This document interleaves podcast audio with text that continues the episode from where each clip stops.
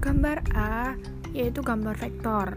Gambar vektor adalah gambar yang dibentuk dari awal dengan membuat dan menggabungkan beberapa objek garis, kurva, dan bidang tertentu menjadi suatu gambar. Nah, kelebihannya itu bersifat scalable, artinya kita dapat memperbesar atau memperkecil gambar tanpa mengubah kualitasnya. Yang kedua, dapat diubah dalam berbagai tampilan tiga dimensi. Nika mempunyai warna-warna yang uh, solid gitu. Terus menurut saya juga mudah membuat gambar vektor.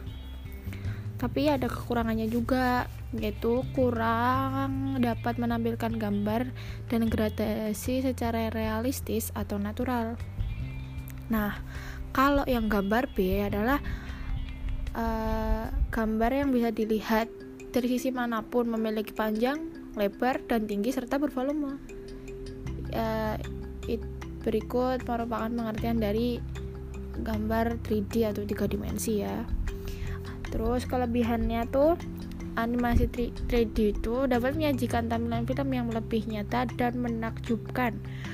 Proses pembuatan karakter memang membutuhkan waktu yang lama.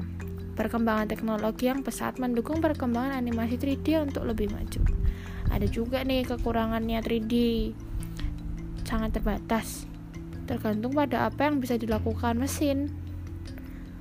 Beberapa dengan gambar dua dimensi dengan imaji dengan imajinasi tak terbatas dari sang pembuat gambar. Sekian penjelasan atau ulasan dari Naca terima kasih